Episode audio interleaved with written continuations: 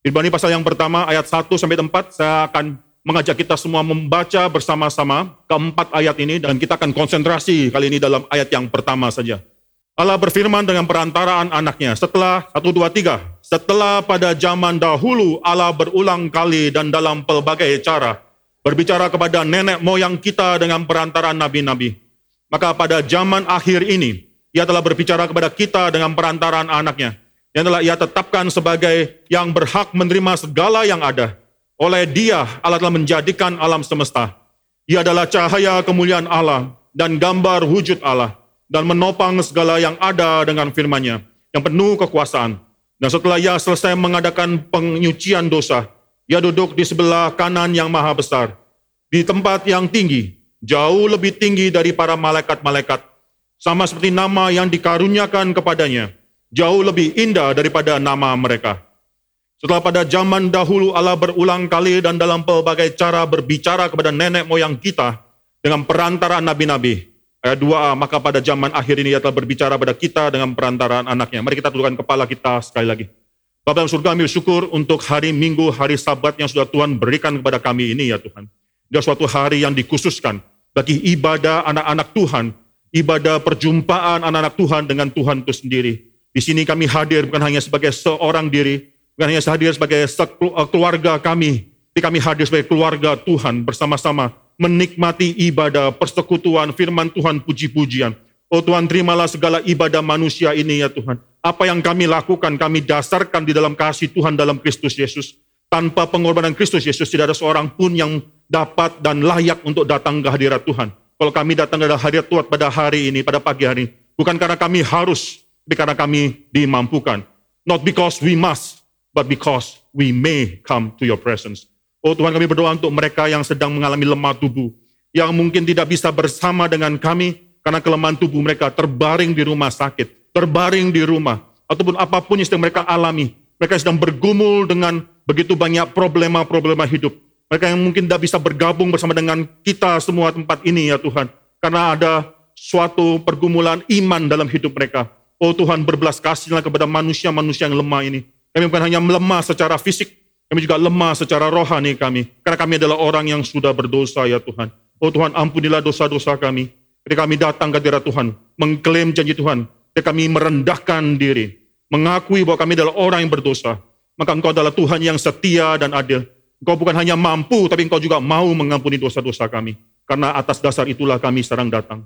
Oh Tuhan kami sudah membuka firman Tuhan dalam Ibrani pasal yang pertama ini. Alkitab sudah Tuhan berikan kepada kami terlalu agung bagi kami. Firman Tuhan sudah Tuhan berikan terlalu besar bagi kami. Tapi kami mendapatkan kasih karunia Tuhan. Di mana Tuhan berbicara kepada kami. Dari zaman ke zaman, Tuhan terus berbicara kepada umat Tuhan. Oh Tuhan, kami sungguh menikmati pekerjaan Tuhan dalam hidup kami.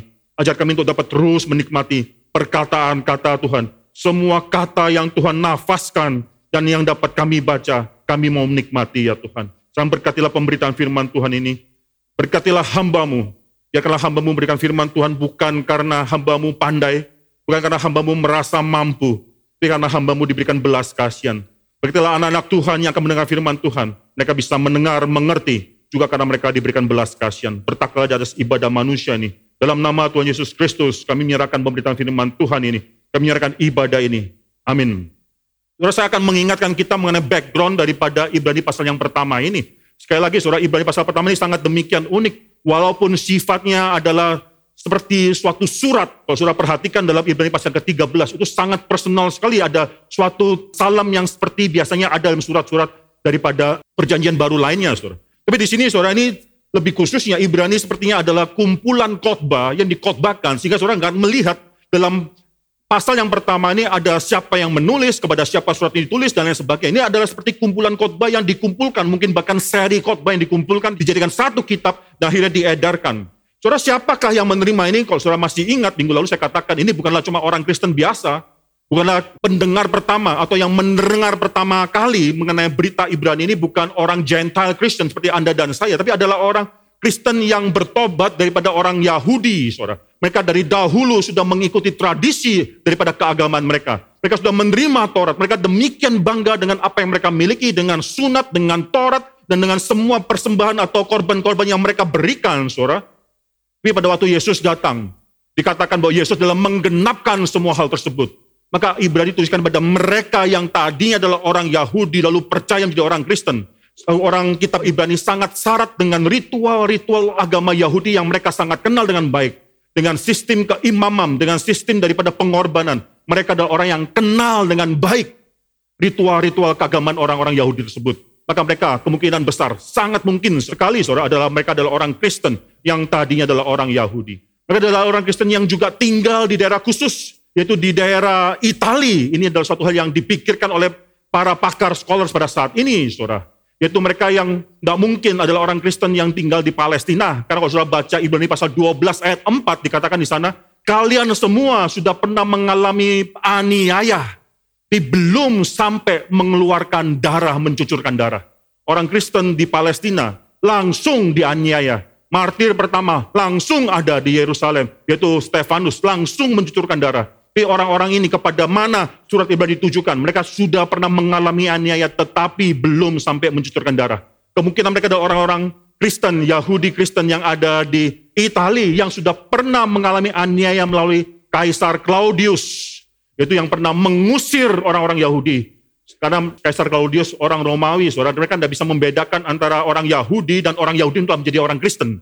Antara Yahudi dan kemungkinan hanya sek atau golongan di antara orang Yahudi tersebut. Mereka tidak bisa membedakan ini. Maka ketika ada pertikaian antara orang Yahudi dan orang Yahudi yang Kristen, semua orang Yahudi diusir.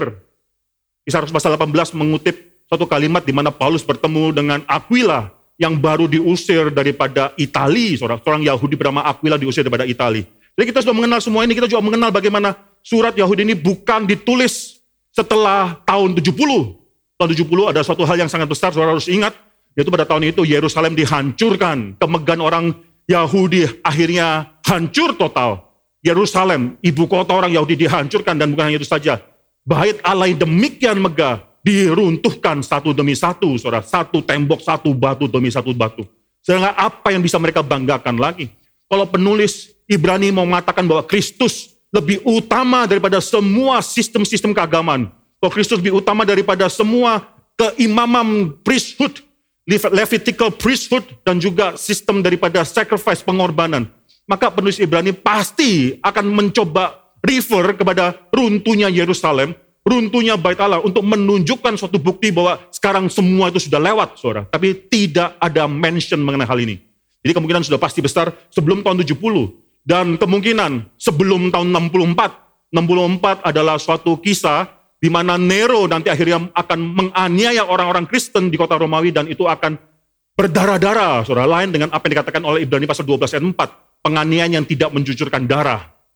Maka di sini, saudara, kira-kira tahun 49, Ibrani tulis tahun 49 sampai 64. 49 adalah penganiayaan Claudius yang mengusir orang-orang Yahudi, orang Kristen termasuk di dalamnya, sampai mereka kehilangan rumah, properti, dan sebagainya. Tapi tidak mati, saudara. Atau sangat dekat, sebelum tahun 4, antara 49 dan 64, tapi mungkin sangat dekat dengan tahun 64, tapi karena warning yang diberikan, seakan-akan mereka sudah mengantisipasi akan ada suatu persecution yang sangat besar, aniaya yang sangat besar sekali. Maka di sana Paulus mengatakan berhati-hatilah jangan sampai engkau murtad dalam aniaya tersebut. Ada suatu warning yang sudah sangat demikian tegas diberikan, mempersiapkan orang-orang Kristen di sana menghadapi suatu aniaya besar tersebut. Jadi kita kira-kira tahu kurun waktu di mana kitab ini tulis, kepada siapa kitab ini tulis. Penulisnya kita tidak tahu siapa, saudara. Ada orang yang mengatakan Paulus, tapi kemungkinan besar bukan Paulus. Walaupun banyak teologi-teologi yang sangat mirip dengan Paulus, tapi pasti bukan Paulus. Bahkan dalam surat Paulus, Paulus tidak pernah mengatakan atau memberikan alegori membandingkan Kristus dengan imam, saudara. Itu suatu hal yang tidak pernah Paulus lakukan, tapi di sini sangat syarat sekali bagaimana Kristus adalah penggenapan daripada seluruh keagamaan atau sistem keagamaan daripada orang-orang Yahudi tersebut, saudara. Saudara kita juga sudah mengatakan atau diskus sedikit mengenai Ibrani pasal 1 ayat 1. Fakta yang penting dan saudara harus menggarisbawahi kalimat ini. Mengetahui bahwa Tuhan ada tidaklah lebih penting daripada mengetahui bahwa Tuhan berbicara. Sekali lagi saudara mengetahui bahwa Tuhan itu ada tidak lebih penting daripada Tuhan itu berbicara. Dalam hidup kita sehari-hari kita bisa dengan gampang mengakui Tuhan itu ada. Tapi apa hubungannya dengan hidup kita? Seringkali banyak sekali, sering kali orang Kristen, muda, tua, di jalan zaman ini, hidup seperti seorang practically an atheist, di mana mereka mengakui Tuhan ada, but He has nothing to do with me, He has nothing to do with my life. Maka daripada itu sekali lagi garis bawahi kalimat ini, mengakui, mengetahui bahwa Tuhan itu ada, tidak lebih penting daripada Dia berbicara kepada kita, saudara. Tuhan yang berbicara berarti Tuhan yang personal. Tuhan yang berbicara bahwa dia menyatakan isi hatinya. Tidak ada seseorang yang berbicara itu asal bicara. Saudara kalau jadi orang Kristen yang suka asal bicara, mendingan bertobat, saudara. Ya, kita tidak jadi orang Kristen yang asal menyebarkan suatu isu, rumor, dan lain-lain sebagainya. Di gereja ini akan ditegakkan disiplin, di mana orang yang berbicara, kalau berbicara bukan karena berdasarkan kebenaran, saya harus bicara dengan orang tersebut. Siapa pun di sini yang mengobarkan atau menyebarkan isu-isu, rumor-rumor yang tidak membangun gereja, orang tersebut harus mungkin mengalami disiplin gereja kalau perlu sangat keras. Karena sering kali rumor-rumor, kebohongan-kebohongan yang kita sebarkan, sengaja atau tidak sengaja, merusak pelayanan dalam gereja, bahkan merusak pribadi seseorang. Itu satu dosa yang sangat luar biasa besarnya. Dalam gereja ini kita harus belajar apa yang Tuhan sudah nyatakan pada kita. Tuhan berbicara, tapi kalau saya perhatikan, Tuhan tidak berbicara sembarangan. Tuhan tidak berbicara sembarangan, lalu Tuhan tidak berbicara bohong, tidak ada kemungkinan bohong keluar daripada diri Tuhan. Kalau kita adalah anak Tuhan, kalau kita adalah anak Tuhan yang sudah ditebus oleh Tuhan, kita meniru dan menyontoh Tuhan kita. Tuhan berbicara, kita juga berbicara. Tapi bicara masalah apa, saudara? Itu yang jauh lebih penting. Maka di sini, saudara, ketika Tuhan berbicara, Tuhan sudah menyatakan isi hatinya kepada anak-anak Tuhan. Oleh karena itu saya katakan minggu lalu, mereka yang sudah pernah mendengarkan firman Tuhan akan dituntut dua kali lebih daripada mereka yang belum mendengar firman Tuhan. Roma pasal 2 mengatakan, mereka yang berdosa di luar Taurat akan dihukum atau dihakimi di luar tanpa memakai hukum Taurat. Tapi mereka yang berdosa di bawah hukum Taurat akan dihakimi dengan standar hukum Taurat tersebut, saudara. Saudara, ketika kita mendengarkan firman Tuhan itu adalah suatu berkat tapi jangan lupa, berkat karena Tuhan berbicara. Dan kita diberikan kesempatan mendengarkan. Tapi jangan lupa, itu juga adalah suatu hal yang akan dituntut daripada kita. Dasar penghakiman kita. Firman Tuhan. Dan firman Tuhan demikian berkuasa. Saudara, sekali lagi saudara tulis Alkitab ini pada zaman di mana filsafat yang sangat nyata pada zaman itu ada dua filsafat yang penting. Stoicisme dan epikurianisme. Saya tidak menyatakan kedua filsafat ini perbedaannya apa. Saudara kalau mau mendengarkan, mengingat lagi, saudara ada ada ringkasan khotbah yang saudara bisa dapatkan Saudara stoicisme menganggap bahwa Tuhan itu adalah alam, alam semesta itu adalah Tuhan. Tuhan itu adalah impersonal God. Tapi di sini menyatakan kalimat pertama daripada ayat Ibrani ini langsung mendobrak filsafat-filsafat dunia pada zaman itu. Tuhan bukanlah suatu impersonal God seperti alam semesta ini. Kalau Tuhan berbicara, He is personal. Kalau Tuhan berbicara, dia berpribadi bahkan memiliki kehendak. Filsafat daripada epikurianisme juga langsung ditebas habis oleh Ibrani pasal 1 ini. Epikurianisme percaya Tuhan adalah Tuhan yang berpribadi. Dia percaya Tuhan menciptakan dunia. Tapi mereka percaya setelah menciptakan, tinggal diam, tidak melakukan apa-apa. Tuhan tidak mau peduli lagi dengan manusia. Tapi di sini saudara melihat bagaimana dari kata pertama, Tuhan berbicara dari zaman ke zaman. Tuhan kirimkan nabi-nabi. Terus menerus berbicara kepada umat-umat Tuhan. Saudara pada abad ke-17, itu filsafat atau waktu itu masih dipanggil filsafat, itu natural philosophy, science saudara itu sudah demikian berkembang. Ada Newton pada abad ke-17.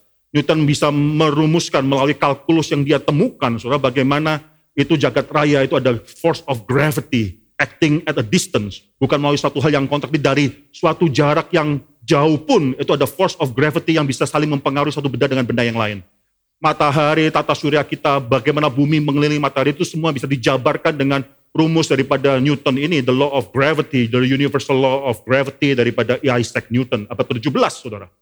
Saudara, sejak pada abad ke-17 itu, orang mulai berpikir secara mekanistik. Bahwa segala sesuatu itu seperti jam tangan. Saudara, jam tangan pada zaman itu bukan yang pakai baterai, belum ada jam tangan baterai. Jam tangan pada saat itu bukan quartz, tapi yang mechanical. Di mana mereka membuat suatu sistem antara spring, apa itu, per, dan juga jeruji-jeruji jam tangan otomatis dengan pergerakan tangan kita ini, saudara maka itu bisa akhirnya bergerak, jam tangan terus bergerak. Atau dengan spring, saudara, dengan diputar. Jam itu mungkin lebih ke arah putar, saudara, jam tangan.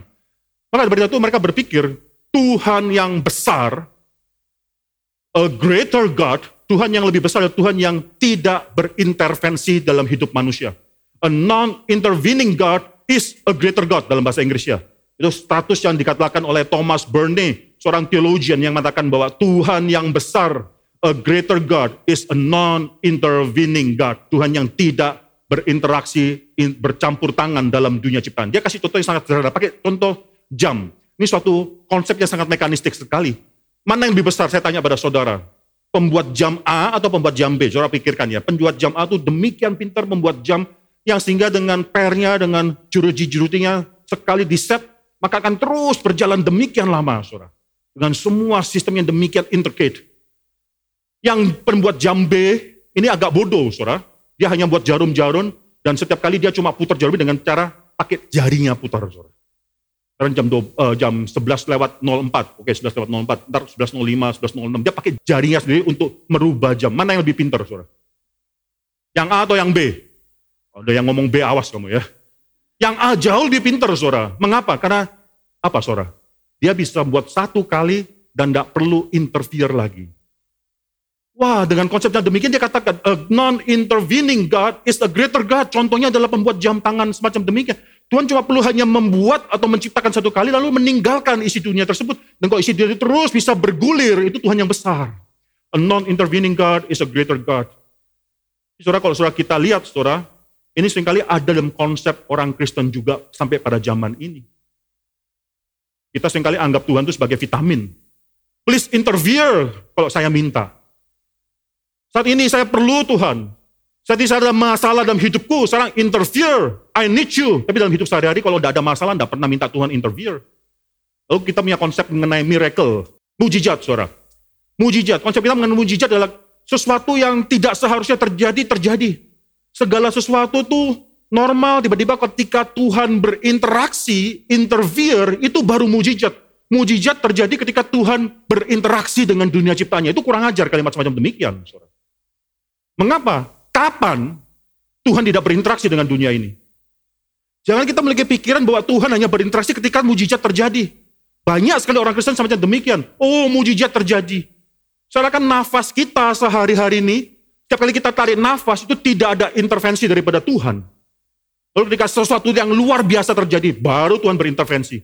Jangan kita membiasakan diri berpikir mengenai Tuhan sekerdil semacam demikian, seorang. Terus perhatikan. Ya, ayat yang kedua, zaman akhir ini telah berbicara kepada kita dengan perantara anaknya. Sekarang bicara mengenai anaknya, akhirnya kalimat selanjutnya itu semua menjelaskan mengenai anaknya ini, saudara. Yang telah ia tetapkan sebagai yang berhak menerima segala yang ada, oleh dia Allah telah menjadikan alam semesta. Ia adalah cahaya kemuliaan Allah itu sendiri dan gambar wujud Allah. Dan kalimat selanjutnya, menopang segala yang ada dengan firman-Nya yang penuh kekuasaan. Saudara setelah Tuhan menciptakan melalui anaknya tersebut, sekarang anaknya itu Tuhan pakai juga Allah Bapa pakai untuk menopang segala ciptaan. Tidak ada satupun dalam hal hidup kita, sekecil apa pun di mana tangan Tuhan tidak sedang menopang kita, saudara. Tidak ada. Jangan kita terbiasa berpikir bahwa Tuhan tuh hanya interfere pada saat miracle terjadi. Lalu setelah itu saya mau tanya, begitu semua di luar hal yang besar tersebut, tidak ada interaksi Tuhankah dalam hidup kita? Nafas kita, perkataan kita, bangun tidur kita, kita bisa makan tidak keselak sekalipun. Itu tidak ada intervensi Tuhan sekalipun. Itu omong kosong, itu bukan konsep orang Kristen.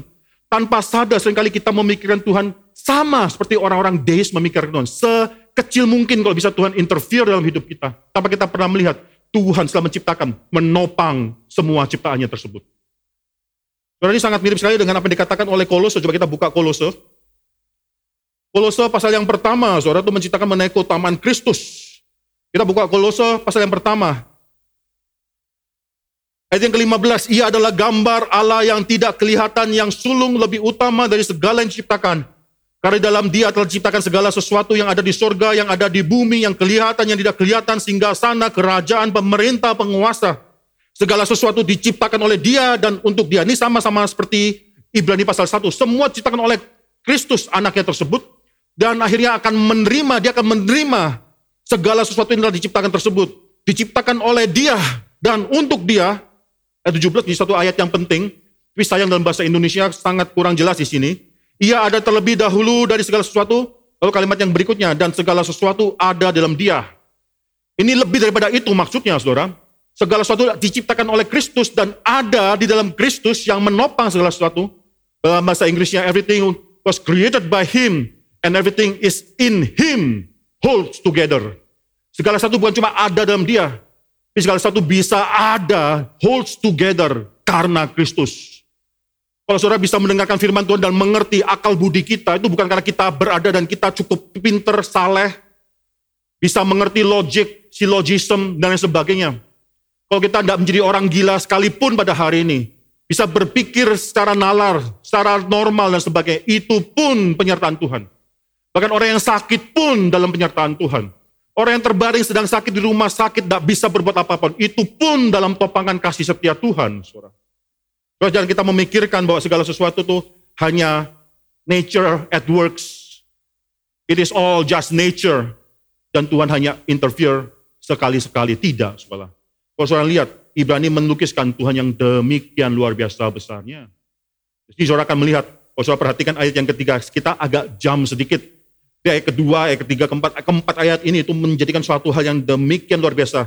Mungkin minggu depan saya akan nyatakan atau struktur daripada Ibrani pasal 1 ayat 1 sampai keempat ini yang demikian luar biasa. Kita kalau baca, kita tidak mengerti, saudara. Tapi kalau saya gambarkan nanti, saudara, saudara akan melihat bagaimana benar-benar setiap ayat demi ayat dituliskan sampai pada akhirnya menyatakan siapa Kristus tersebut. Kemudian kita akan jam sedikit dan kita akan melihat dia katakan di sini ayat kedua katakan ia ditetapkan sebagai yang berhak menerima segala yang ada. He is the inheritor daripada segala yang ada. Ayat uh, selanjutnya mengatakan oleh dia Allah telah menjadikan alam semesta. Dia menciptakan. Oh di sini dikatakan juga ia adalah yang menopang segala yang ada dengan firman. Dia bukan cuma menciptakan, dia menopang dan dia menerima segala hal yang dia ciptakan itu, saudara. Ini suatu hal keindahan daripada Kristus. Maka di sini, saudara, keyakinan bahwa yang harus kita miliki bahwa Tuhan itu interfere. Saudara perhatikan sekali lagi, saya sudah katakan saya akan bahas sedikit lagi, saudara, yaitu ketika Adam jatuh dalam dosa, Tuhan interfere. Bahkan sebelum Adam jatuh dalam dosa pun, Tuhan sudah interfere, berbicara kepada Adam, menyatakan isi hatinya. Ketika Adam juga dalam dosa, Tuhan juga interfere, menyediakan keselamatan langsung baginya, saudara. Ketika air bah, ketika dunia dihakimi oleh air bah, itu bukan proses alam saja. Tuhan interfere untuk menghakimi dunia. Di pada saat itu Tuhan juga interfere, menyelamatkan satu keluarga dalam batra. Bahkan dia mendatangkan binatang satu pasang demi satu pasang masuk dalam batra itu. Tuhan keeps interfering, saudara. Saudara bisa melihat bagaimana akhirnya Yusuf ketika dia dijual, Tuhan berserta dengan Yusuf di tanah Mesir. Akhirnya oleh Yusuf, oleh sengsara dia, Yusuf menyelamatkan hidup satu bangsa. Bangsa yang sudah Tuhan janjikan harus ada, saudara. Saudara bisa melihat juga bagaimana Yakub Yakub ketika dia bergumul bersama dengan Tuhan, Tuhan terus interfere dalam hidup Yakub. Bahkan sampai bergumul secara personal dengan Yakub, saudara. Tuhan terus bergumul sampai akhirnya Tuhan mengirimkan anaknya. God interferes karena dia tahu manusia tidak bisa menyelamatkan dirinya sendiri. Fakta bahwa Tuhan mengirimkan anaknya menyatakan bahwa manusia itu hopeless. Maka keselamatan itu harus di luar dirinya. Bahkan di luar dunia ini, saudara. Tuhan harus masuk Fakta bahwa Tuhan, Yesus, anak Allah inkarnasi, menyatakan bahwa kita tidak bisa menyelamatkan diri kita. God breaks into history dan dia akhirnya mendatangkan, mengirimkan anaknya tersebut. Oke, saudara kali ini saya juga mengingatkan kita bahwa Tuhan berbicara melalui alam. Saudara masih ingat ya, ada dua macam revelation, general revelation and special revelation. General revelation adalah wahyu umum, Tuhan berbicara melalui alam. Alam tidak mungkin tidak menyatakan Tuhan. Tidak mungkin. Mazmur pasal 19 ayat 1. Kisah Rasul pasal 14 ayat 17 saya sudah katakan minggu lalu. Roma pasal 1 ayat 18 ayat 20. Semua menyatakan bagaimana kita manusia yang berdosa sekalipun bisa mengerti Tuhan melalui alam. Saudara. Tetapi hanya melalui God speaking Tuhan berbicara menyatakan isi hatinya, kehendaknya. Alam tidak menyatakan kehendaknya. Saya pernah ke museum, saudara, dan saudara biasakan kalau ke museum, kalau saudara melihat ke museum art khususnya, saudara, itu banyak sekali masterpiece, masterpieces yang dilukiskan oleh the great masters of the past. Entah mengapa sekarang jarang orang yang bisa menciptakan art yang baik, saudara. Saya tidak bisa, belum bisa menikmati yang namanya modern art, abstract dan sebagainya. Saya pernah ke museum di San Francisco, San Francisco Museum of Modern Art di San Francisco. Masuk, lihat, saya tidak mengerti dari awal sampai akhir apa bagusnya museum ini. Itu Maaf saudara, ini memang art itu agak, ada orang yang mengatakan bahwa art itu adalah sesuatu yang personal, tapi saya menurut saya tidak saudara. Nilai seni itu ada yang nilai absolut di dalamnya. Maka di sini saudara ketika kita melihat the great masters of the past painting, kita bisa melihat dari lukisan mereka kita bisa melihat ciri-ciri ini pelukis siapa, ini pelukis siapa. Leonardo, Leonardo da Vinci tidak mungkin di, di, dicampur adukan dengan Rembrandt. Rembrandt tidak mungkin disalah mengerti sebagai pelukis Van Gogh. Tidak mungkin, saudara. Semua memiliki karakter masing-masing. Saudara bisa melihat daripada lukisannya, karakter pelukisnya. Oh ini kira-kira sudah tua, sudah master, atau masih muda baru beginner. Oh apa yang sedang dinyatakan oleh isi hatinya, pergumulan apa yang sedang dinyatakan. Sepertinya ada suatu hal di mana dia sedang menyatakan. Tapi saudara mungkin, tidak mungkin saudara tahu Sampai akhirnya saudara pinjam namanya audio guide. Kalau saya ke museum, saudara saya selalu bayar ekstra, bukan tiket masuk, tapi pinjam audio guide tersebut. Mengapa? Karena di sana ada general revelation, tapi audio guide itu special revelation. Saudara bisa melihat, oh bagus sekali. Tapi kalau saudara pakai audio guide, saudara bisa tahu-tahu dijelaskan oleh orang, ini pelukisnya, lukis tahun berapa, apa yang terjadi dalam hidupnya, sebelah corner ini sedang lukis apa, corner bawah sedang lukis apa. Oh baru tahu keindahannya. Demikian juga Tuhan tidak melewat, membiarkan Adam di dalam Taman Eden melihat cuma general revelation. Tapi dia kasih special revelation supaya Adam tahu isi hati Tuhan. Kehendak dia atas dia, atas Adam itu apa. Saudara di sini saudara God speaks. Ini ada satu hal yang sangat luar biasa pentingnya. Di sini Tuhan, personal. Tuhan menyatakan kehendaknya. Tidak sampai di sana, kalau saudara perhatikan, kita akan lanjutkan pada hari ini. Kalau kita perhatikan di sini menarik sekali, penulis Ibrani tidak sedang mengatakan dari semua zaman manusia harus mendengarkan Tuhan. Dia mengatakan demikian. Dari zaman ke zaman, manusia harus mendengarkan daripada nabi-nabi yang dikirimkan oleh Tuhan. Dia tidak tekankan keharusan manusia untuk mendengarkan tersebut. Dia tidak tekankan pada akhir zaman ini, manusia harus mendengarkan anak Tuhan. Tidak.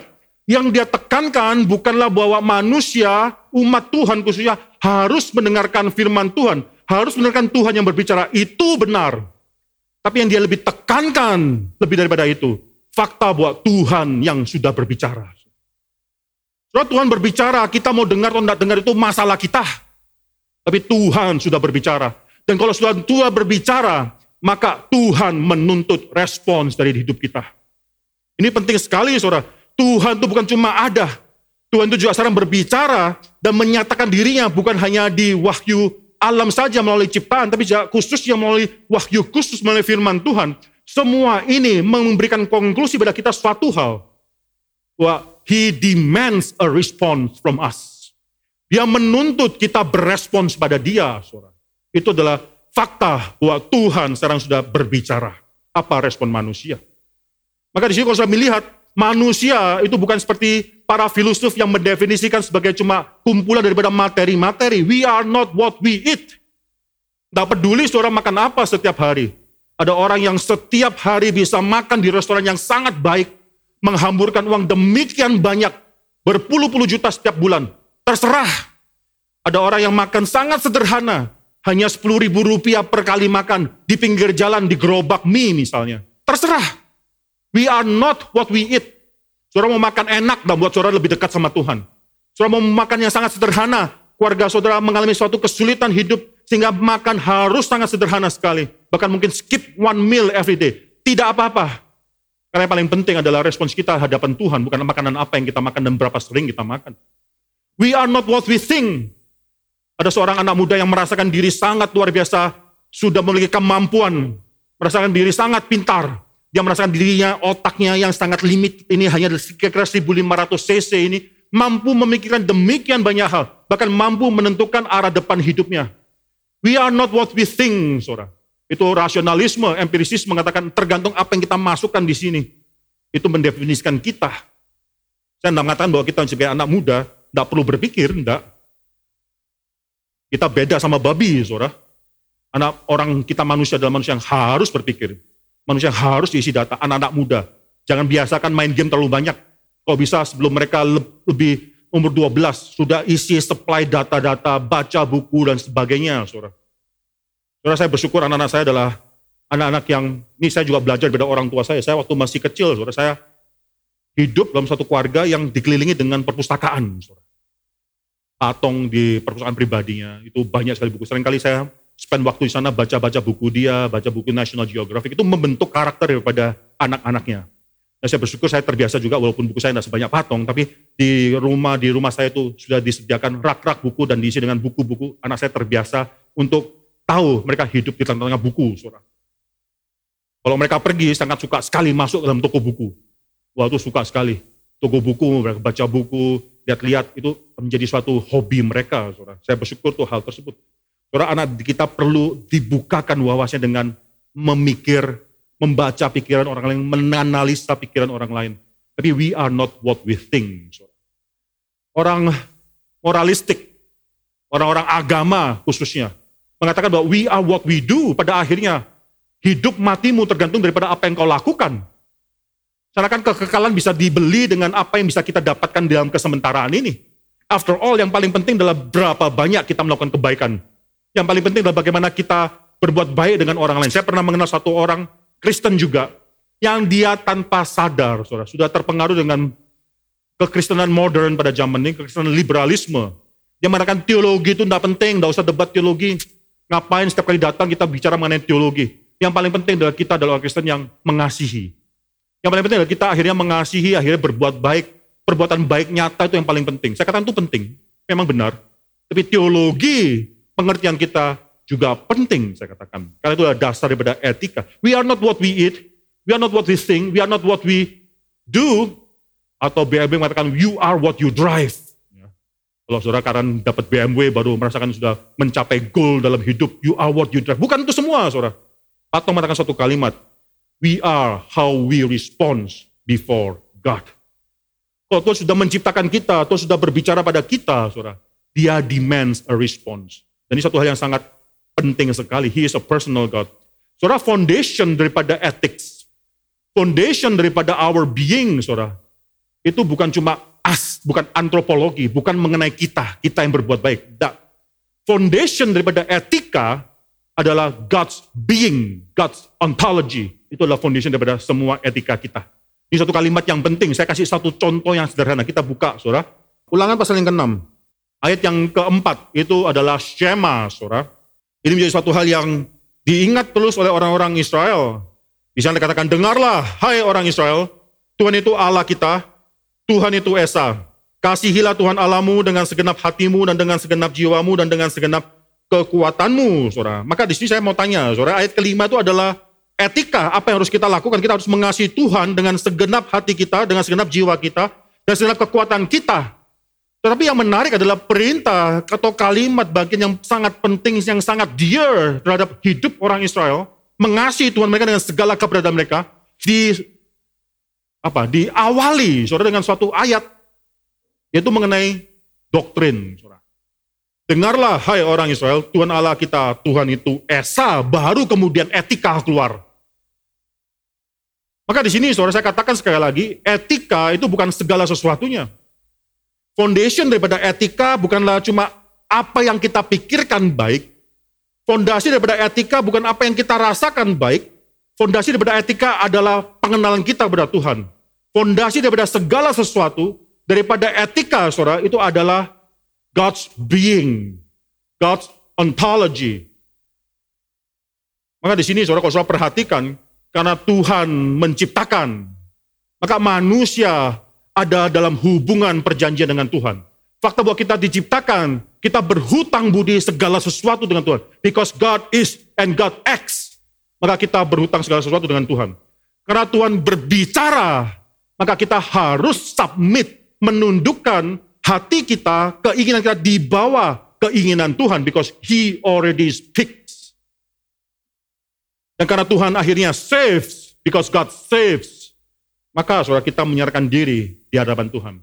Semua hidup kita, semua tindakan kita pada akhirnya hanyalah respons terhadap apa, siapa Tuhan, dan apa yang dia lakukan. Saudara kemarin di PA Pemuda, saya harapkan PA Pemuda bisa terus bertumbuh, saudara.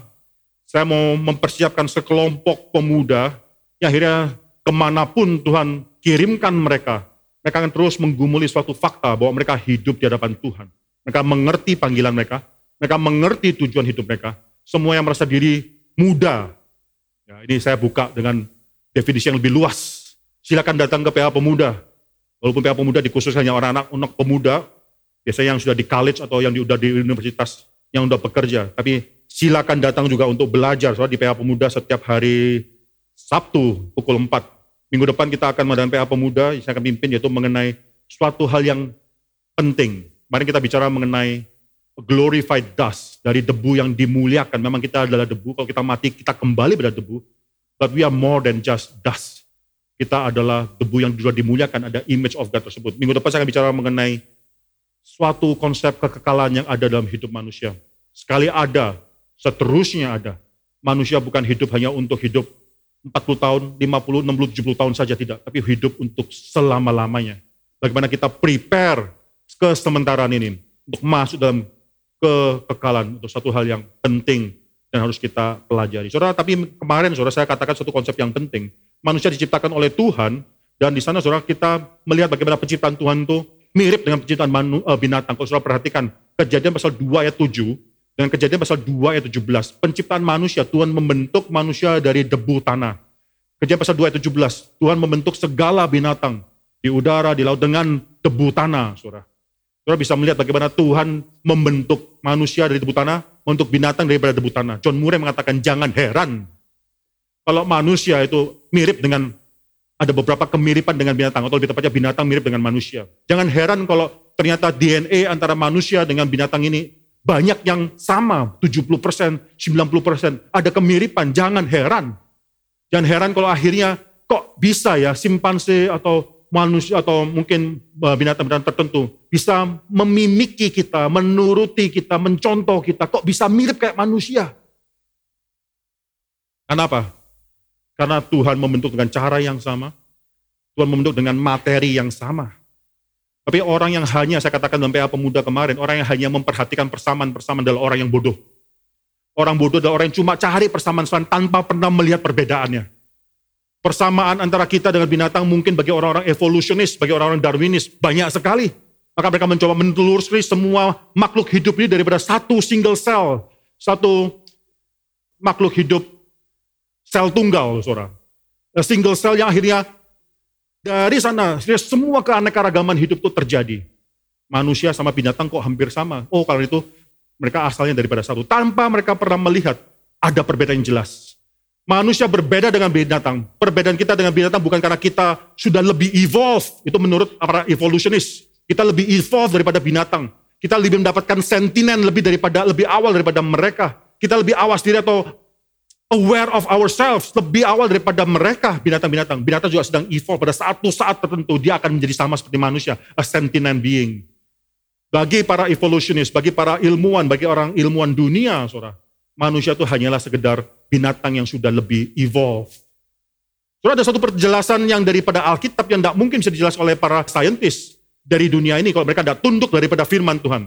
Kalau mereka tidak menundukkan pemikiran mereka di bawah Tuhan yang sudah berbicara, mereka tidak mungkin bisa mengerti siapa manusia. Manusia beda dengan binatang, karena hanya kepada manusia lah Tuhan memberikan nafas hidup tersebut. Hanya dalam diri manusia lah Tuhan menciptakan manusia berdasarkan gambar dan rupa Tuhan tersebut. Ini perbedaan yang sangat jelas sekali. The only one that makes all the difference. Tuhan menciptakan manusia berdasarkan gambar dan rupa dia. Tapi kesulitannya adalah apa yang dimaksud dengan gambar dan rupa Tuhan? Tubuh kita manusia terdiri dari tubuh dan roh.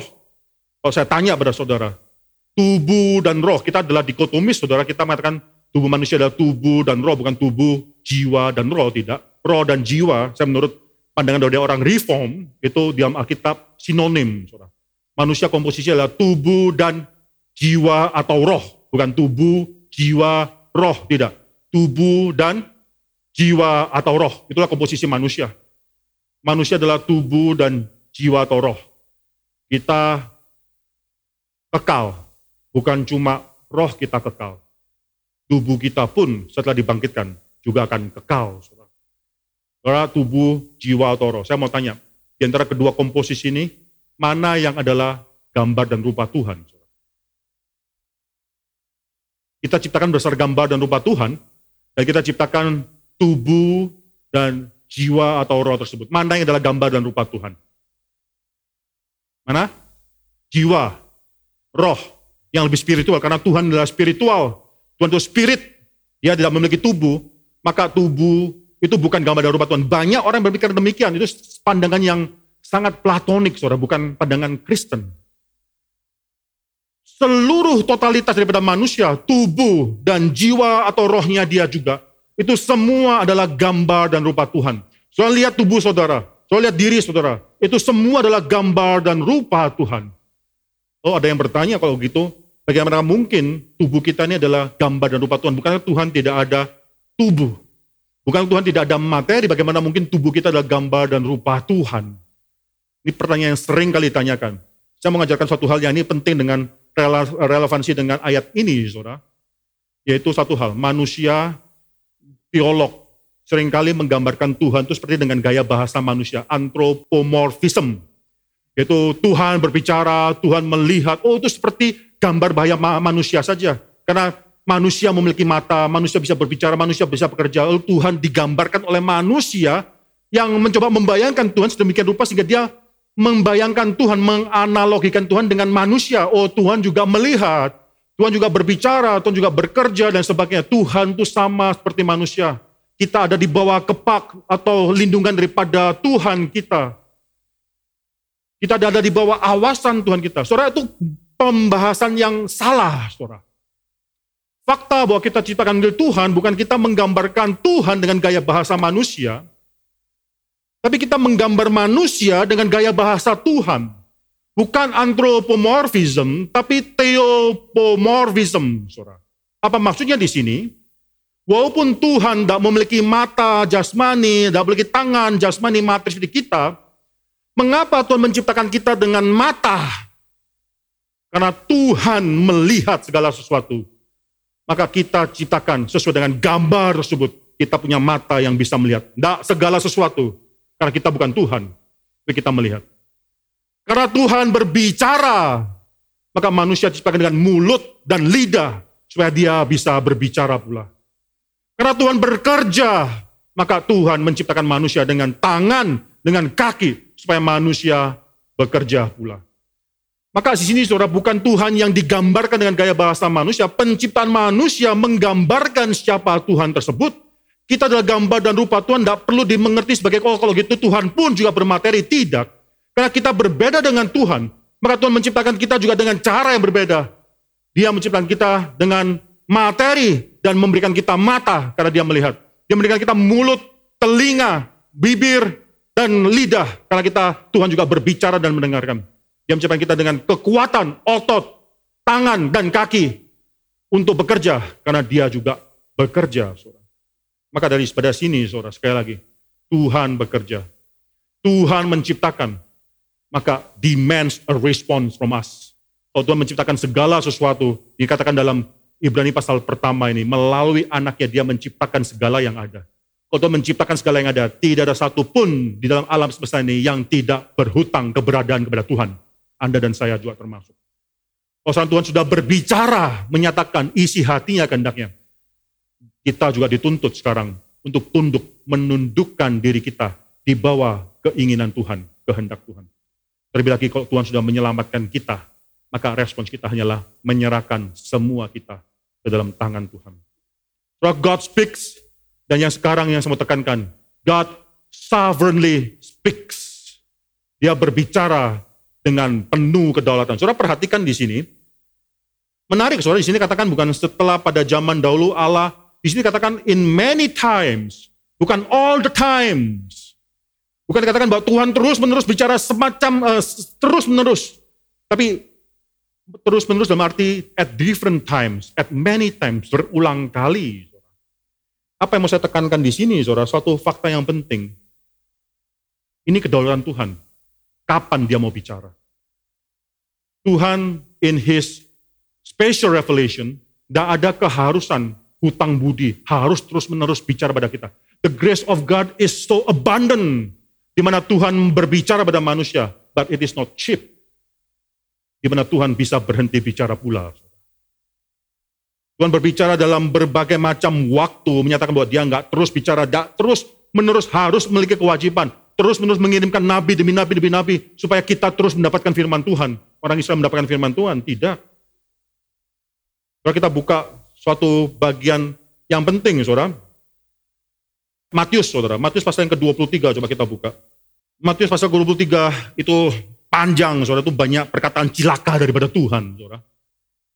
Ada yang mengatakan bahwa orang Kristen itu adalah orang yang harusnya lemah lembut. Di sini, saudara, wah Tuhan sama sekali tidak lemah lembut. Cilaka ini, cilaka itu, cilaka siapa, cilaka itu. Waduh, ini kayak benar-benar Kristen gitu ya. Tapi di sini saudara-saudara perhatikan berapa kali banyak kata celaka-celaka saudara bisa hitung nanti di rumah saudara ya. Ayat 29. Cilakalah kamu hai ahli-ahli Taurat dan orang-orang Farisi, hai kamu orang-orang munafik. Mereka membangun makam nabi-nabi dan memperindah tugu orang-orang saleh. Oh dia berkata, mereka berkata, jika kami hidup di zaman nenek moyang kita, tentulah kami tidak akan turut membunuhan nabi-nabi itu. Saudara, di dalam perjanjian lama, Tuhan terus kirim nabi-nabi dan terus dibunuh oleh umat-umat Tuhan. Itu luar biasa. Tuhan kirim nabi untuk berbicara pada mereka, mereka bunuh. Ayat ke-31, saudara. Demikian dengan demikian, kamu sekarang tidak sengaja sudah bersaksi terhadap kamu sendiri, diri kamu sendiri, bahwa kamu adalah keturunan pembunuh nabi-nabi itu. Ayat ke-34, saudara ini adalah suatu profetik daripada Tuhan sendiri mengatakan bahwa sebab itu lihatlah aku mengutus kepadamu nabi-nabi dan orang-orang bijaksana dan ahli-ahli Taurat. Separuh atau sebagian daripada mereka akan kamu bunuh dan kamu salibkan. Termasuk Yesus Kristus sendiri nanti akhirnya akan disalibkan oleh mereka. Yang lain akan kamu sesat di rumah-rumah ibadatmu. Itu adalah semua rasul-rasul nabi-nabi dikirimkan setelah Tuhan Yesus naik ke surga. Dan kamu akan aniaya daripada kota ke kota. 35. Kamu menanggung akibat menumpang darah orang yang tidak bersalah mulai daripada Habel orang benar itu sampai kepada Zakaria anak Berekia yang kamu bunuh di antara tempat-tempat kudus dan mesbah. Saudara di sini menarik. Tuhan mengutip dua nama, dua nama ini mengcapture atau summarize, men, menyimpulkan sejarah orang Israel dari Habel, dari Abel sampai nanti kepada Zekaria.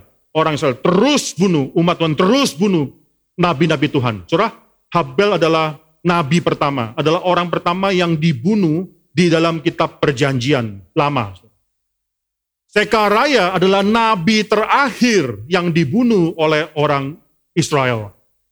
Yang menarik adalah kalau Zekaria, kalau bisa melihat Zekaria dibunuh itu kisah dalam dua Tawarik pasal 24, saudara. Dua Tawarik pasal 24, Zekaria, nabi tersebut dibunuh.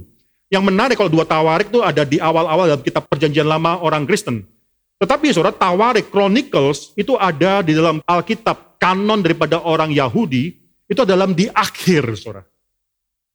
Kejadian di awal, Tawarik itu adalah di akhir. Dua Tawarik adalah kitab terakhir dalam kanon orang Yahudi, perjanjian lama, Alkitabnya mereka.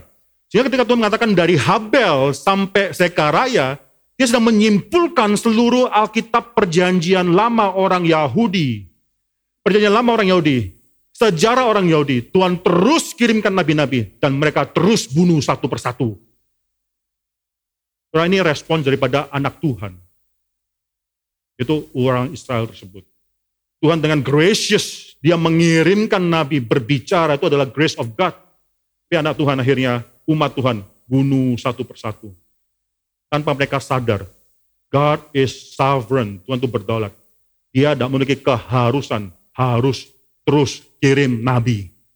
Pernah ada satu waktu di mana akhirnya kalau kita baca Amos pasal 8, saudara. Coba kita buka Amos. Amos pasal 8 ayat yang ke-11. Ini Amos memperingati orang Israel terhadap suatu penghakiman yang akan datang, saudara. Tapi mereka tidak mendengarkan, akhirnya mereka dibuang ke dalam pembuangan. Amos pasal 8 ayat yang ke-11.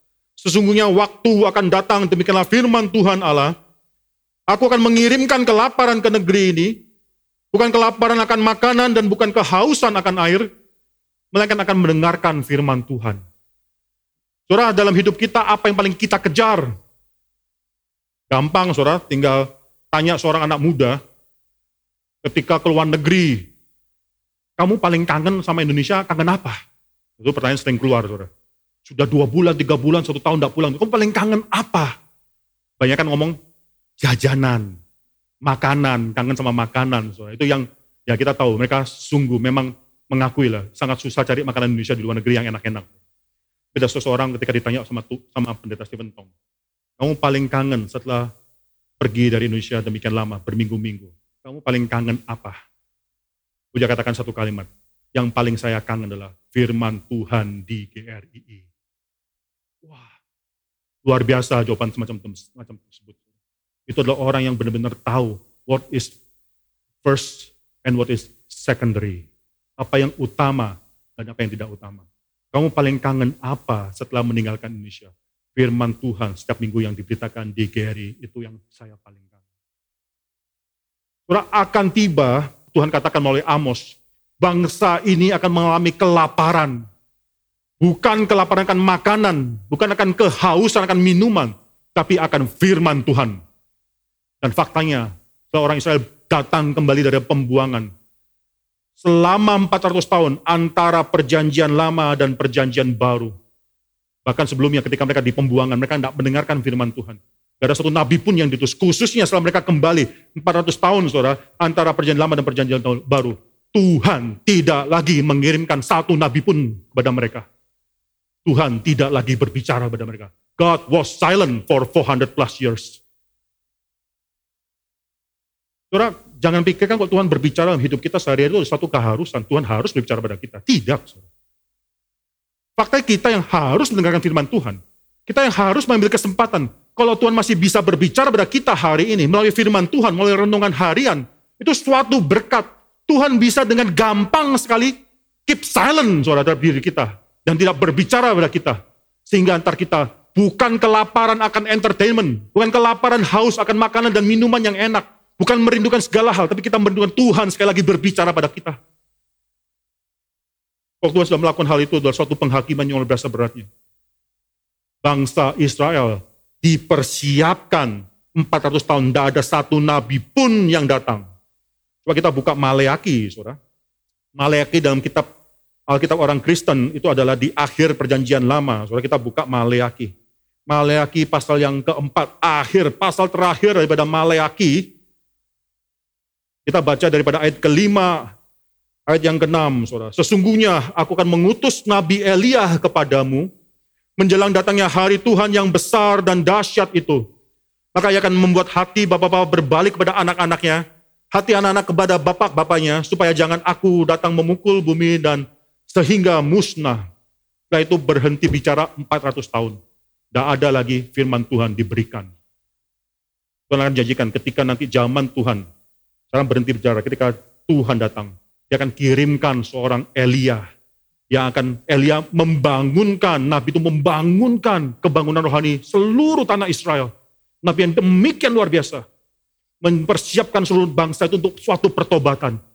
Sebelum Kristus datang, Tuhan kirimkan Yohanes Pembaptis, Elia tersebut, yang membuka jalan, akhirnya membangkitkan, mempersiapkan seluruh bangsa untuk menerima Tuhan. 400 tahun Tuhan berhenti berbicara. Lalu Elia itu datang, Yohanes Pembaptis, mempersiapkan bangsa tersebut. Dan apa jadinya? Orang Israel tetap membunuh nabi yang besar itu, anak Allah yang terakhir itu. Saudara, kita harus mengenal satu hal, bahwa hati kita itu jauh. Kita kalau adalah orang yang berdosa lemah daripada semua godaan untuk meninggalkan Tuhan. Tuhan berbicara, Tuhan berbicara. Saya mau tanya, mengapa demikian banyak nabi-nabi diberikan oleh Tuhan kepada orang Israel? Karena mereka adalah orang yang keras hatinya. Yang terus menolak nabi-nabi tersebut yang terus membunuh nabi-nabi tersebut, yang terus mengacukan nabi-nabi tersebut. Tuhan terus mengasihi mereka, karena Tuhan berjanji kepada nenek moyang mereka, yaitu Abraham, Ishak dan Yakub untuk kepada keturunannya Tuhan akan memberkati keturunan tersebut. Tuhan terus kirimkan nabi-nabi, tapi terus dibunuh satu persatu. Lalu Tuhan berhenti berbicara. 400 tahun Tuhan tidak berbicara. Tuhan kirimkan Elia, yaitu Yohanes Pembaptis, mempersiapkan pertobatan. Mempersiapkan suatu jalan yang besar. Lalu Yesus datang. Apa yang mereka lakukan? Tetap akhirnya membunuh nabi tersebut. Karena ketika kita merenungkan Ibrani pasal yang pertama ini, mengapa Tuhan harus berbicara demikian banyak melalui nabi-nabi? Karena ke kegilan hati orang-orang yang berdosa. Yang terus menolak Tuhan. Yang terus menolak firman Tuhan. Anak-anak diri kita, keturunan kita terus satu persatu meninggalkan Tuhan. Tuhan adalah Tuhan yang murah hati, Tuhan adalah Tuhan yang berbaik hati. He is faithful. Dia terus mengirimkan nabi-nabi. Tapi manusia adalah manusia yang terus di luar Kristus, di luar anugerah. Terus menolak Tuhan. Maka ketika kita membaca kembali Ibrani pasal 1 ayat 1 ini, ketahui satu hal. Saudara. Ini adalah satu hal yang menegur kita. Bertanya, kenapa Tuhan harus terus berulang kali berbicara? Dalam hidup kita, kita juga sering menjadi orang-orang semacam demikian. Yang mengabaikan firman Tuhan. Tuhan terus berbicara pada kita, menggerakkan hati kita, tapi kita terus mengatakan no pada Tuhan. Panggilan hidup kita, mungkin pasangan hidup yang sedang kita cari, mungkin untuk hidup suci di hadapan Tuhan, menanggung segala salib yang harus kita pikul. Tuhan terus mengingat kita, terus berbicara pada kita. And yet kita terus membunuh suara-suara Tuhan tersebut. Mematikan suara Tuhan yang berbicara di dalam hati nurani kita. Jangan lupa satu hal, This is the sovereign Lord. Dia memang berbicara, tapi tidak harus terus berbicara pada kita. Pada satu hari, ketika dia berhenti berbicara pada kita, itu penghakiman Tuhan yang luar biasa pada kita. Saudara, ini adalah satu pengajaran yang penting pada kita, saudara.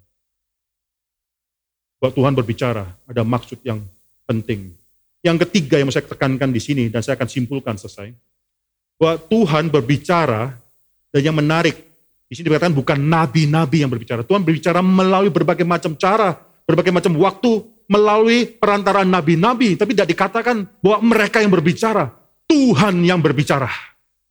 Ini doktrin Alkitab yang sangat penting, saudara. Kita mengenal bahwa Tuhan berbicara melalui orang-orang yang sudah Tuhan berikan firman Tuhan. Ada orang yang mengatakan itu cuma manusia. Mereka yang menuliskan itu bukan Tuhan. Kita nggak mendapatkan Alkitab dari surga langsung diturunkan. Nih, Alkitab sudah jadi dari kejadian sampai wahyu. Nih. Tidak. Tuhan berbicara melalui manusia-manusia yang juga berdosa. Voltaire, saudara pernah mengatakan, saudara, kalau kita mau menghancur, Voltaire adalah seorang filsafat, filosof, maaf, seorang filosof Prancis abad ke-17, saudara. Dia pernah mengatakan, maaf, abad ke-18, dia pernah mengatakan, kalau kita mau menghancurkan kekristenan, maka kita harus mulai, we have to begin daripada menghancurkan kepercayaan orang Kristen terhadap Alkitab.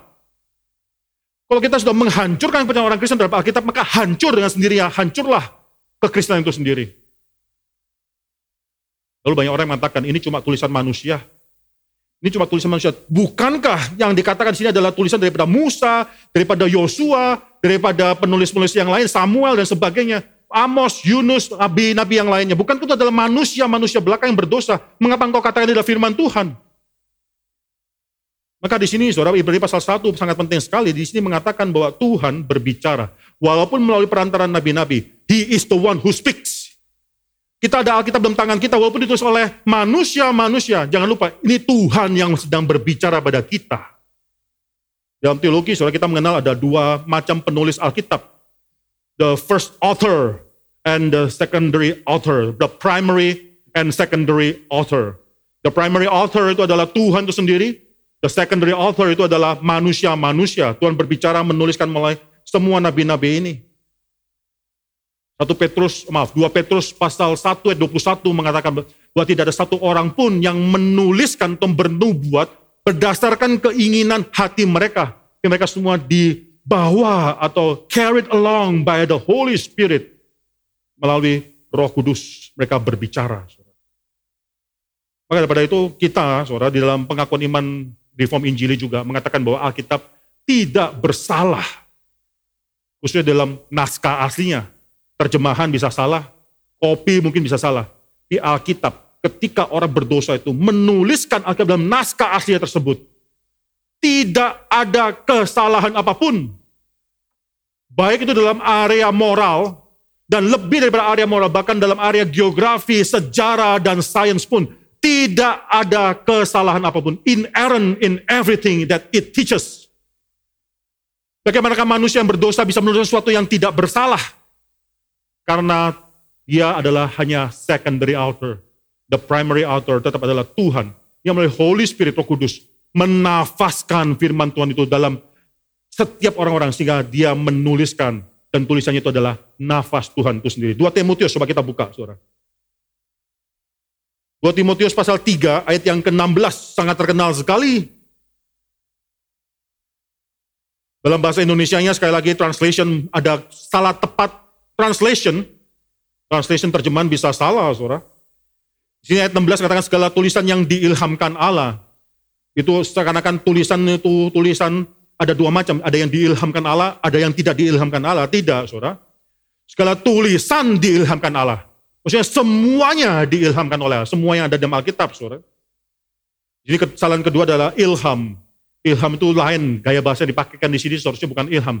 Inspirasi, saudara. Bukan cuma, ini terlalu rendah dalam bahasa Indonesia terlalu rendah. Saudara, ini bukan cuma illumination bahwa kita akhirnya mendapatkan ide, menuliskan. Tidak, saudara. Suatu tulisan yang di-inspired dalam bahasa aslinya itu dinafaskan. Itu inspiration dalam bahasa Inggris itu adalah nafas. Inspiration adalah nafas. Segala tulisan yang dinafaskan oleh Tuhan itu sendiri. Maksudnya adalah Alkitab, semua tulisan Alkitab ini adalah nafas daripada Tuhan itu sendiri as the primary author. Walaupun ditulis oleh para nabi-nabi, oleh orang-orang berdosa, tetap adalah nafas Tuhan, maka tidak mungkin bersalah. Oleh karena itu Alkitab memiliki suatu otoritas atas hidup manusia, bermanfaat untuk mengajar, menyatakan kesalahan, memperbaiki kelakuan, mendidik orang dalam kebenaran. Maka Ibrani sekali lagi di sini adalah suatu hal yang penting. Ini mengajarkan doktrin daripada firman Tuhan daripada Alkitab, setelah pada zaman dulu Allah berulang kali dan dalam berbagai cara berbicara, dia yang berbicara, tetapi melalui nabi-nabi, melalui secondary authors. Oh, saudara perhatikan sekali lagi saudara dalam kitab Ibrani ini penulis Ibrani demikian luar biasa indahnya. Dia terus mengutip Alkitab perjanjian lama, waktu itu masih belum ada perjanjian baru. Lebih dari 30 kali saudara. Coba saudara perhatikan. Setiap kali dia mengutip, coba kita lihat ya. Misalnya saudara, Ibrani pasal 1 ayat 7 saudara. Yang membuat, ini dikutip saudara, kalau saudara bisa melihat dalam Alkitab Bahasa Indonesia itu dikatakan ini dikutip daripada Mazmur pasal 104. Yang membuat malaikat-malaikatnya menjadi badai dan pelayan-pelayannya menjadi nyala api dan seterusnya saudara. Yang menarik adalah penulis Ibrani di sini yang mengatakan Daud menuliskan atau penulis Mazmur menuliskan demikian. Tapi dikatakan dalam ayat ke-7 tentang malaikat-malaikat ia berkata, memang Daud yang menulis, tapi Allah yang sedang berkata. Ibrani pasal 2 ayat 12. Aku akan, ini sekali lagi penulis Ibrani mengkutip, saudara, mengkutip daripada Mazmur, saudara. Mazmur pasal 22 ayat 23. Aku akan memberitakan namamu kepada saudara-saudaraku, memuji-muji engkau di tengah-tengah jemaat dan seterusnya. Karena penulis Ibrani mengatakan Daud mengatakan, tidak mengutip Daud. Walaupun Daud yang menuliskan, tapi apa kata tulis Ibrani? Katanya itu kata Tuhan. Ibrani pasal 3 ayat 7, saudara. Ini mengutip Mazmur daripada Mazmur 195 ayat 7 sampai 11. Pada hari ini jika kamu mendengar suaranya, janganlah keraskan hatimu seperti dalam kegeraman pada waktu pencobaan di padang gurun dan seterusnya. Sekali lagi penulis Ibrani mengatakan Daud pernah mengatakan, enggak. Dia harus mengatakan, roh kudus berkata. Maka di sini saudara, kita akan lihat penulis Ibrani terus mengatakan bahwa itu walaupun adalah nabi-nabi yang mengatakan, tapi Tuhan yang berbicara. Maka itu daripada itu orang, orang Kristen ketahui satu hal, ini walaupun itu oleh manusia, yang manusia berdosa. Kita nggak menerima teori bahwa Alkitab itu didiktekan oleh Tuhan. Atau Alkitab diturunkan daripada surga sempurna. Tidak, ini tuliskan oleh manusia-manusia yang adalah manusia-manusia yang berdosa. Tapi kita tidak berhenti di sana, saudara. Itu mengatakan ini juga adalah nafas daripada Tuhan. Dan oleh karena itu, Tuhan berbicara. Saudara, berapa rajinkah kita membuka Alkitab kita? Oh kita tahu ini adalah Tuhan sedang berbicara, ini adalah isi hati Tuhan. Bapak rajinkah kita membuka Alkitab kita? Tuhan berbicara, tapi He is the sovereign Lord. Kalau dia mau berhenti berbicara pada kita, sangat gampang. Kita bisa punya Alkitab 10 kopi di rumah. Genggaman tangan handphone kita bisa memiliki Alkitab berbagai macam versi dalam bahasa translation berbeda-beda. Tapi kita tidak akan membuka satu halaman pun dalam Alkitab tersebut. Kenapa? Tuhan berhenti berbicara. Dan kita main-main dan mengatakan bahwa anugerah Tuhan itu murah. Tuhan berbicara, menandakan dia penuh kasih. Jadi he is the sovereign Lord. Dan dia bisa berhenti bicara pada kita. Tapi daripada itu, saudara, lebih daripada itu, bersyukurlah kita anak-anak Tuhan yang mengerti seberapa pentingnya firman Tuhan dalam hidup ini. Yang menghargai apa yang Tuhan berikan kepada kita. Yang selalu menghargai, memikirkan firman Tuhan pagi dan malam. Yang merenungkannya dan menghayati dan menjalankan firman tersebut. Tuhan berbicara pada kita semua pada saat itu. Tuhan tidak berhenti berbicara setelah Nabi, sekarang kita tidak ada Nabi lagi. Kita nggak ada namanya Rasul lagi, tidak ada. Yesus pun sudah datang, tapi Tuhan tidak pernah berhenti berbicara pada kita melalui Alkitab ini. Dan kiranya anak Tuhan, domba-domba Tuhan, mendapatkan makanan setiap hari melalui firman Tuhan yang Tuhan berikan kepada kita. Mari kita tundukkan kepala, kita berdoa. Bapak yang surga kami bersyukur untuk firman Tuhan yang sudah kami dengarkan ini ya Tuhan. Kami berdoa supaya dari minggu demi minggu, ketika kami mempelajari kitab Ibrani ini, kami semakin menikmati anugerah Tuhan. Kami semakin menikmati penyertaan Tuhan. Kalau Tuhan sudah pernah berbicara, Tuhan sudah pernah menyatakan kehendak Tuhan. Ajar kami untuk menundukkan sekarang diri kami di bawah kehendak Tuhan. Apa pun yang kau kehendaki daripada kami, kami siap, kami mau dibentuk, kami siap untuk melakukannya. Ya Tuhan, hambamu menyerahkan hambamu, diri hambamu yang lemah, warga hambamu yang juga masih lemah, anak-anak hambamu. Hambamu menyerahkan juga keluarga Tuhan di gereja ini. Kami semua adalah orang yang lemah. Bentuk kami melalui firman Tuhan. Dan ajar kami untuk bisa bertumbuh melalui rasa kagum kami, rasa hormat kami, rasa rindu kami terhadap firman Tuhan. Bekerjalah di tengah-tengah kami ya Tuhan. Bekerjalah di tengah-tengah kami sebagai pribadi, sebagai keluarga, sebagai anggota keluarga, sebagai jemaat, anggota tubuh Kristus di tempat ini. Siapa pun kami dalam kapasitas apa pun kami, kami tunduk di hadapan Tuhan. Dalam nama Tuhan Yesus Kristus, kami berdoa dan mengucap syukur. Amin.